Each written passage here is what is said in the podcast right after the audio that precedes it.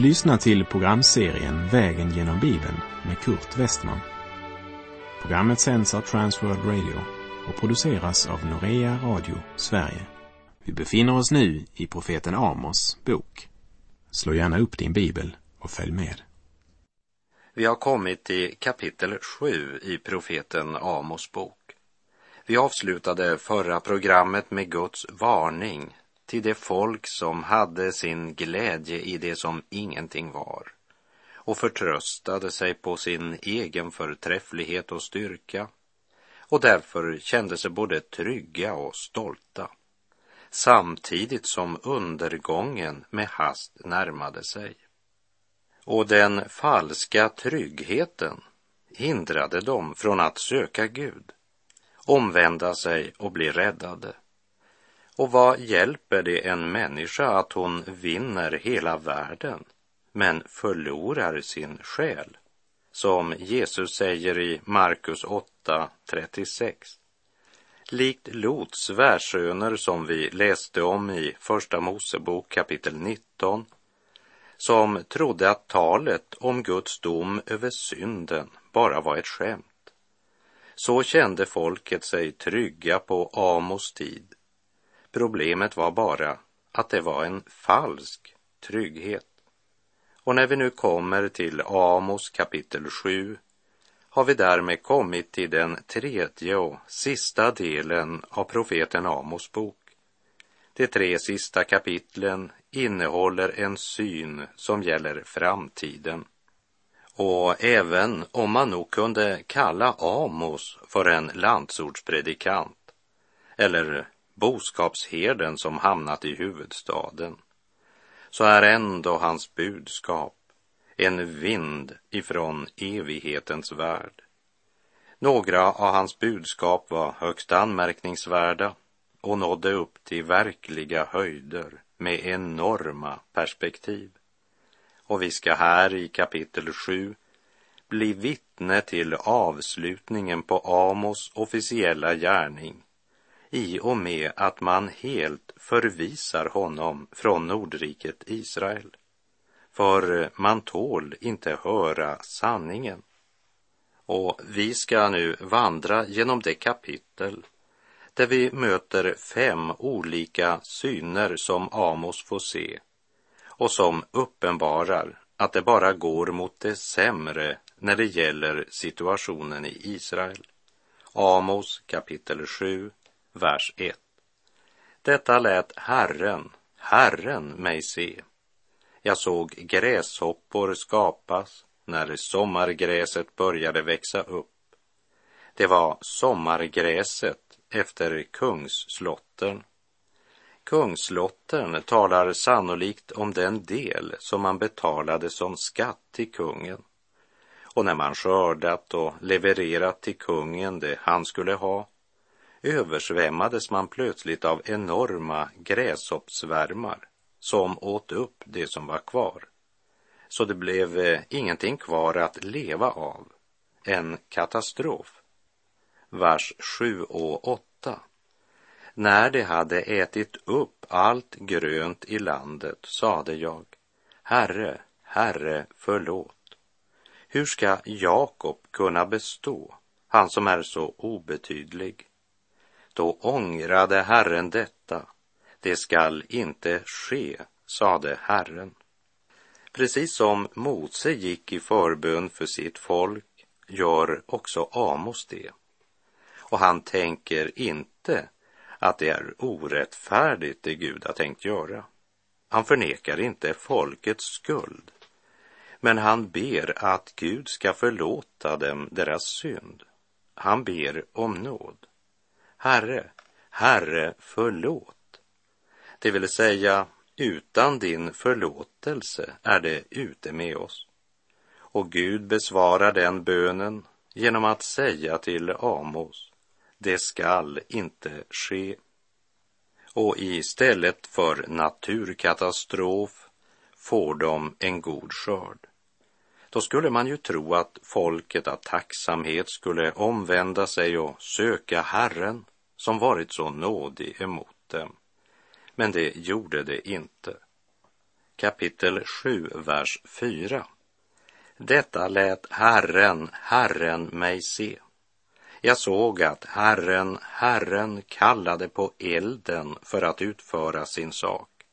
Och elden förtärde det stora djupet och höll på att förtära landet.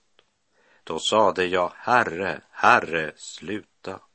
Hur skall Jakob kunna bestå, han som är så obetydlig? Då ångrade Herren detta, inte heller detta skall ske, sade Herren, Herren. Torkan brukar föregå elden, så vi anar något av svårigheterna och nöden som ligger i det Amos ser. Och elden ödelägger allt. Och Amos beskriver det med mycket klara ord. Landet höll på att förtäras. Amos går än en gång i förbön för sitt folk och än en gång gav Gud dem nåd och välsignade dem med regn istället för att ge dem vad de egentligen förtjänade. I Romarbrevet 2, vers 4 och 5 skriver Paulus. Eller föraktar du hans stora godhet, mildhet och tålamod? Och förstår du inte att det är hans godhet som för dig till omvändelse? Genom ditt hårda och obotfärdiga hjärta samlar du på dig vrede till vredens dag när Guds rättfärdiga dom uppenbaras. Än en gång såg Gud i nåd till sitt folk som svar på Amos förbön. Men ett folk som bygger sina liv på falsk trygghet och som i sitt högmod tror att välståndet är deras förtjänst. De ser inte att regn istället för torka och eld var nåd och barmhärtighet från Gud.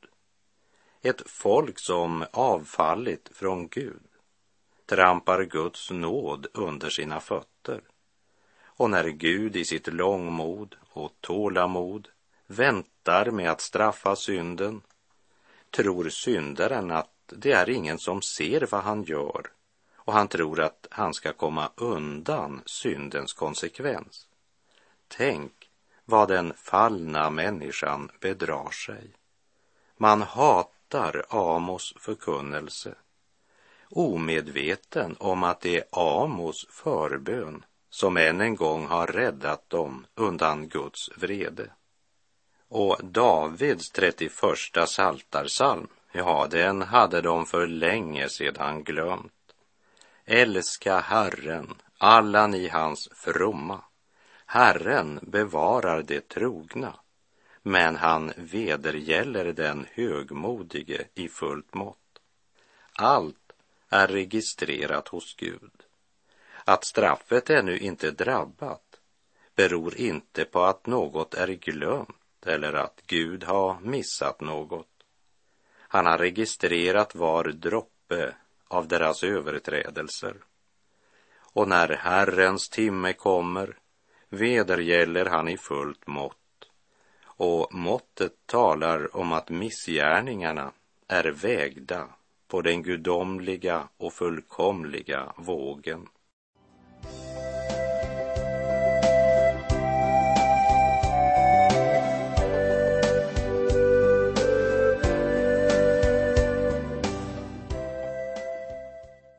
Vi läser i Amos kapitel 7, verserna 7 och 8.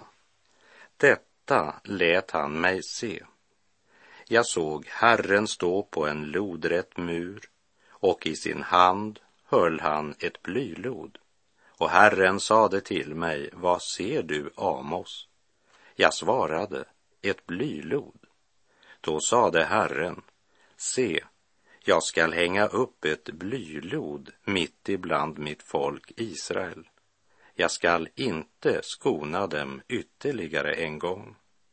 När jag läser om blylodet, som ju användes bland annat av byggningsmän, som med sina mätsnören och blylod mätte för att vara säker på att det blev noggrant utförd, så säger det mig att Guds dom aldrig vilar på tillfälligheter.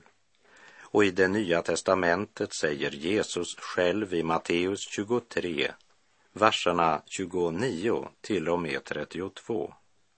Ve er skriftlärda och fariseer, ni hycklare. Ni bygger profeternas gravar och pryder de rättfärdigas minnesstenar och säger om vi hade levt på våra fäders tid skulle vi inte ha varit med om att utgjuta profeternas blod. Därmed vittnar ni om er själva att ni är söner till dem som mördade profeterna. Fyll då också ni era fäders mått. Låt oss här också repetera Davids ord i Saltaren 31, 24. Älska Herren, alla ni hans fromma. Herren bevarar det trogna, men han vedergäller den högmodige i fullt mått. Blylodet talar om att Gud nu gör sig klar att döma. Vi minns från vår vandring genom Daniels bok att Herrens profet sa till kung Nebukadnessar, som det står i Daniel 5.27, du är vägd på en våg och befunnen vara för lätt. Och det kan du lita på, att när Gud mäter våra liv på sin rättfärdighetsvåg så finns det ingen människa som lever upp till den standard som Herrens rättfärdighet kräver. Och vi förtjänar alla Guds dom och står under Guds vrede. Därför skriver också Paulus i Romarbrevet 3, verserna 9 till och med 12. Hur är det då? Har vi något företräde? Nej, inte alls. Vi har ju redan anklagat både judar och greker för att vara under syndens välde. Det står skrivet, ingen rättfärdig finns, inte en enda. Ingen förståndig finns. Ingen finns som söker Gud. Alla har avvikit. Alla har blivit fördärvade. Ingen finns som gör det goda, inte en enda. Men liksom de flesta i Nordriket Israel på Amos tid levde i en falsk trygghet och kötslig självsäkerhet, så är det många också idag som söker sin trygghet i att förneka den sanningen att det är människans lott att en gång dö och därefter dömas. Två gånger hade Herren på grund av Amos förbön skonat folket från den dom som de hade förtjänat. Men Herrens tålamod och barmhärtighet ledde inte till ånger eller omvändelse. Därmed tvingas den kärleksfulle och nådige Gud att verkställa sin dom över deras synder. Och han uppenbarar för Amos att det nu har nått den punkt då Herren inte kan skona dem. För hela skapelseordningen vittnar att det är en människas sår det måste hon också skörda förr eller senare. Därför att Guds dom dröjde trodde folket i Nordriket att det inte var så allvarligt. De kände sig trygga och självsäkra. Hur kunde de göra det? Deras trygghet byggde ju på att de inte ville tro det profetiska budskap som Amos förkunnade. Men nu har stunden kommit. Vad ser du, Amos? frågade Herren. Ett blylod, svarade Amos. Gud gör klart för Amos att det han ser betyder något speciellt. Det är som om Gud säger, lägg märke till blylodet, Amos. Och därefter säger han, se, jag ska hänga upp ett blylod mitt ibland mitt folk Israel. Jag ska inte skona dem ytterligare en gång. Det har nu passerat den gräns där nåden kan åberopas. Nu är det endast lagen som gäller. Det folk som förkastat Herrens nåd står under lagen och under Herrens förbannelse. Nu är det för sent att säga förlåt. Och det låter profeten folket veta med orden om blylodet och följande klara ord. Jag skall inte skona dem ytterligare en gång. Och så ropar han i klartext ut vad som blir den konkreta konsekvensen av att tiden nu har kommit och folket i Betel, ja, i hela Israel, måste skörda vad de har sått. Vi läser Amos kapitel 7, vers 9. Isaks offerhöjder skall bli ödelagda och Israels helgedomar förstörda.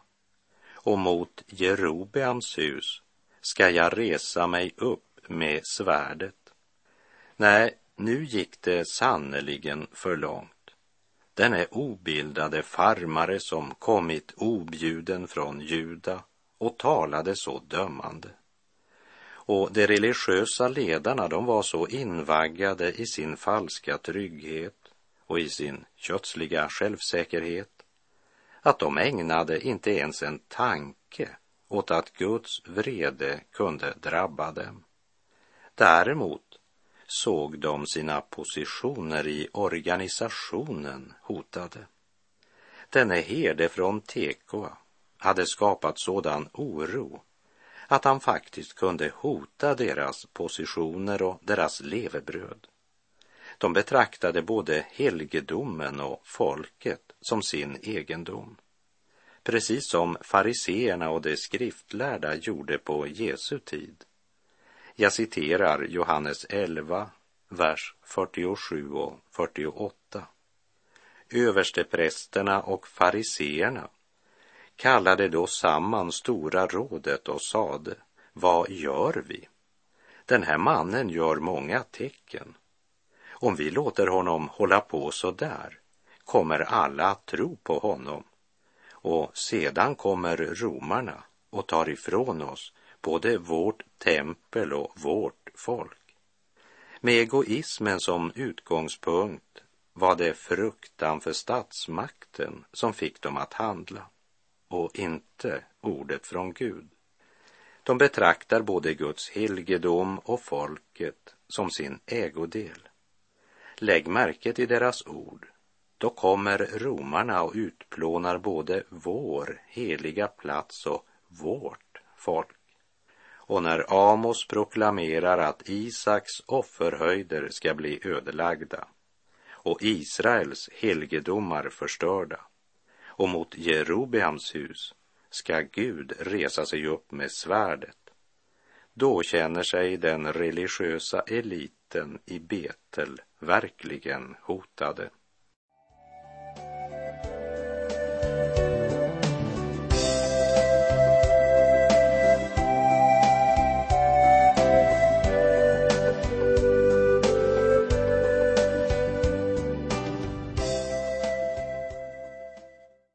När profeten Amos står och ropar ut budskapet att Herren ska ödelägga Israels helgedomar kan en av prästerna i Betel inte hålla tyst längre.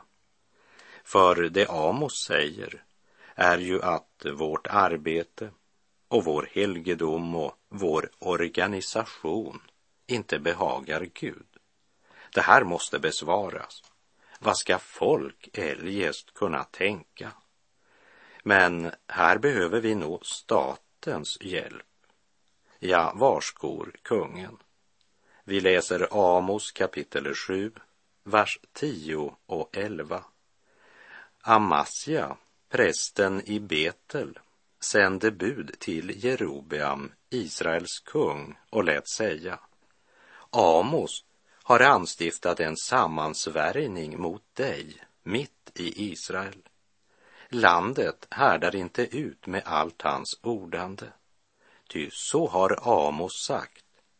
Jerobeam ska dö genom svärd och Israel ska föras bort i fångenskap från sitt land.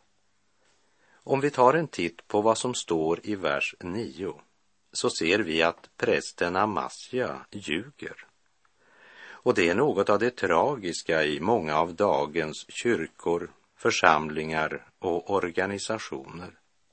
Att vi möter just denna Amasja-anda, där de som försöker ropa ut Herrens budskap blir felaktigt citerade och ibland till och med tillagda något som de aldrig har sagt. Ibland sker det genom missförstånd, men andra gånger helt medvetet.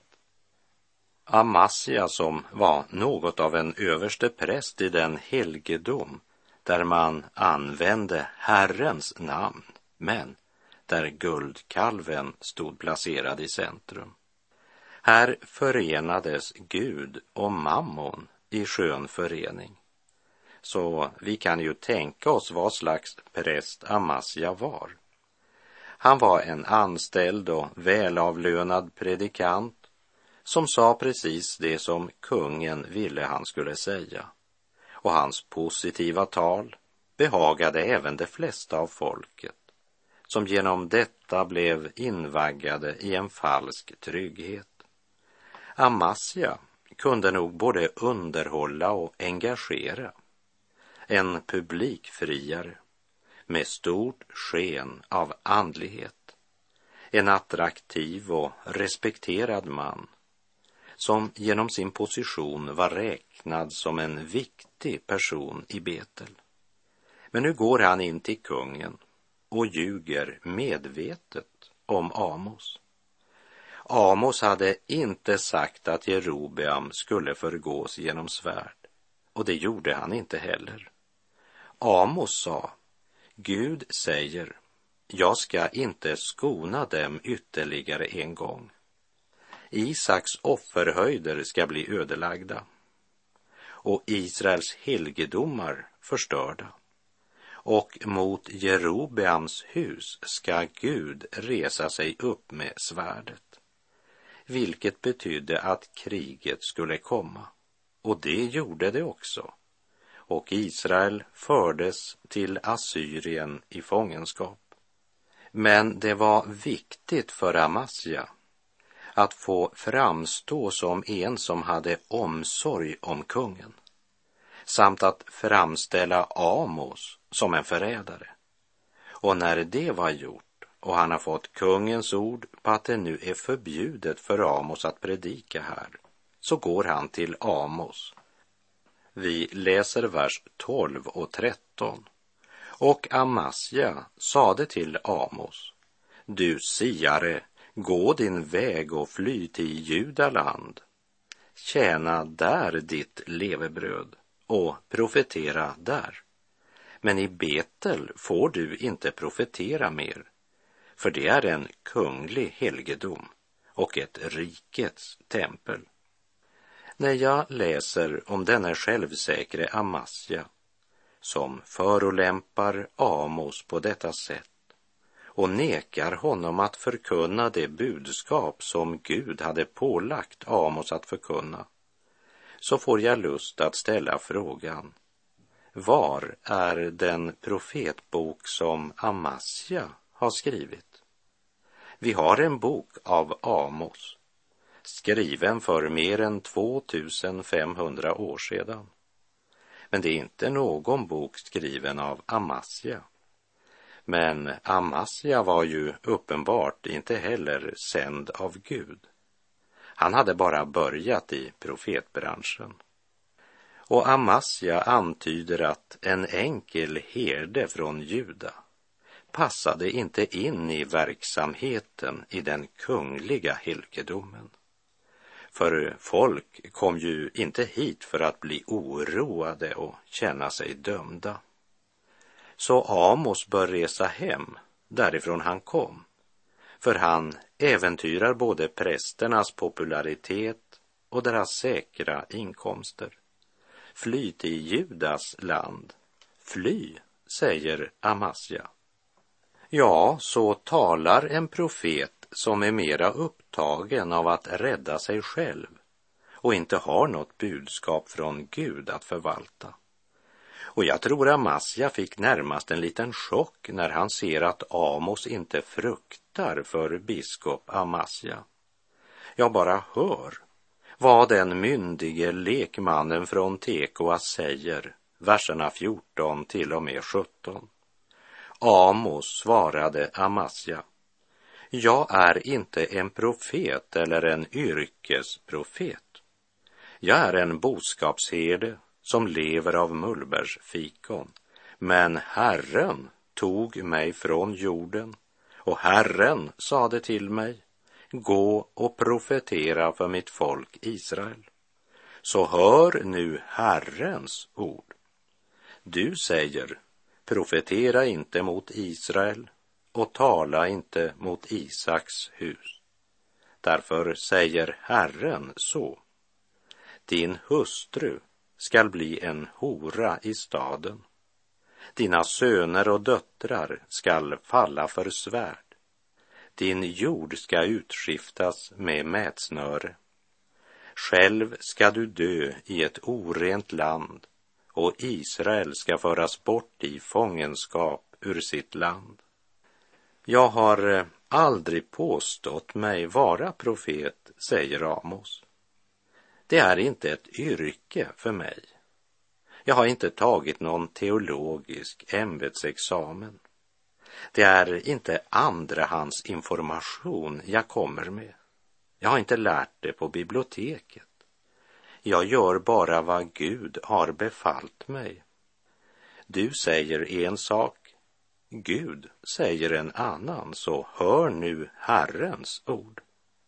Men det var ju just Herrens ord som Amasja inte tålde att höra. Amasja, han profeterade ju med det som ett levebröd. Han var ämbetsman och hans trygghet vilade på att han hade myndigheternas stöd. Han hade ju kungen i ryggen. Och det är inte första gången en sådan angriper ett Herrens vittne. Men Amos serverar ett profetiskt ord som är så vast att det skär rakt igenom både ämbetsdräkt och ämbetssyn. Amasja får i klartext veta vad som väntar denna förnäma man och hans aktade familj när hans hustru ska måste försörja sig som hora därför att hennes försörjare drabbats av Herrens dom och själv ska han föras bort till ett orent land, det vill säga till ett land där det inte finns någon tempeltjänst eller några syndoffer genom vilka han kan bli renad. Den helgedom och organisation han så ivrigt försvarar är av Gud dömd till undergång. Han kan försöka utöva sin makt genom att tysta Amos, men Guds ord kan han aldrig binda och det är Guds ord Amos har förmedlat. Det ord som Amasja själv gett sig ut för att representera, men som han inte hade någon kännedom till eftersom han inte lärt sig att lyssna till Gud, bara lärt sig att tala om Gud. Och nu närmar sig stunden då denne självutnämnde herde måste möta överherdens vrede för vad han har gjort och sagt i Guds namn. Och med det så är vår tid ute för den här gången. Herren vare med dig, må hans välsignelse vila över dig. Gud är god.